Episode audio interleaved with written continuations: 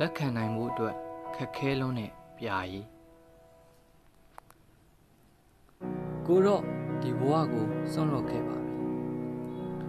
လက်ပြနှုတ်ဆက်ခြင်းနဲ့ခွဲခွာရခြင်းကိုမင်းအတွက်ကိုထားရခဲ့ပါတယ်နောက်ဆုံးတော့ဒီနေရာမှာကိုတို့တွေပဲကြံရစ်ခဲ့ကြတာပြေနေတဲ့ဖနက်ကျိုးကိုတော့ပြန်ချီနှောင်ဖို့စိတ်မပါတော့တဲ့ လူငယ်တွေရဲ့တိုင်းပြည်တစ်ခုမှာပေါ့ဘရောမှနင်းနစ်ချိုက်ချိုက်အိမ်မပြောနိုင်တော့တဲ့ကိုတို့တွေရဲ့အိမ်မက်ထဲမှာတောင်မှစိတ်ကူးတွေကအတိုင်းဖြစ်မလာတဲ့ဖြစ်ရဆိုးတွေနဲ့တွေးကြုံနိုင်ခြင်းရှိခဲ့သေးတာပဲဥပမာတေခြင်းတရားလိုရှင်စည်းကိုကုလက်နဲ့စမ်းသပ်မိခဲ့တယ်လို့မျိုးတရားမျှတမှုမရှိတဲ့ကျိုးစဉ်တစ်ခုမှာ ကိုတို့ရဲ့ဘဝကိုညီကုန်းအဆုံးသတ်ရလိမ့်မယ်ဆိုတာမျိုး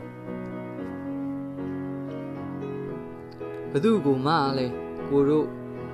ထပ်မံချစ်မြတ်နိုးနိုင်မှာမဟုတ်တော့ပါဘူးတစုံတယောက်ကိုမင်းကစားတော့မယ်ဆိုရင်လည်းအနည်းဆုံးတော့ကြောက်ခဲလိုမာတဲ့အသေးနှလုံးနဲ့ရက်ဆက်တက်တဲ့စိတ်ကို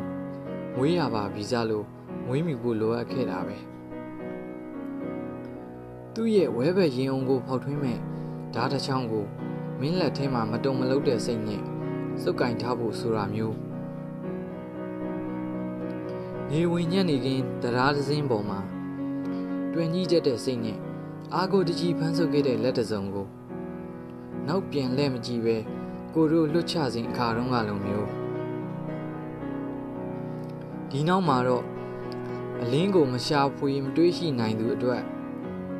ကြပြားတပုံးနဲ့ဘဲသူဘဲဝါရဲ့ခံမှန်းလို့မရနိုင်တော့တဲ့လူပုဂ္ဂိုလ်တယောက်ယောက်ကိုတညာလုံးလွမ်းဆွနေခဲ့ရခြင်း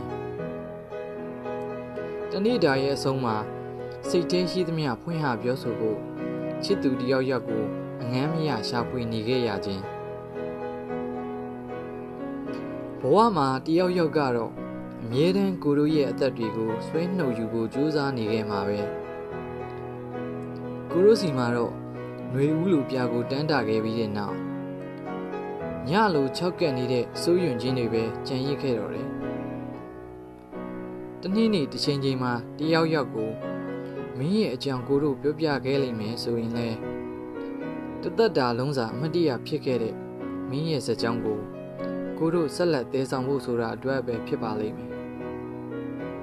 ဒီစကြောင်းကဘရောမှပြန်အစားထိုးလို့မရတော့တဲ့အချစ်ဆိုတဲ့အရာ ဒါမှမဟုတ်လွမ်းဆွမှုရဲ့သင်္ကေတအဖြစ်ကြံရစ်ခဲ့မယ်ဗျာ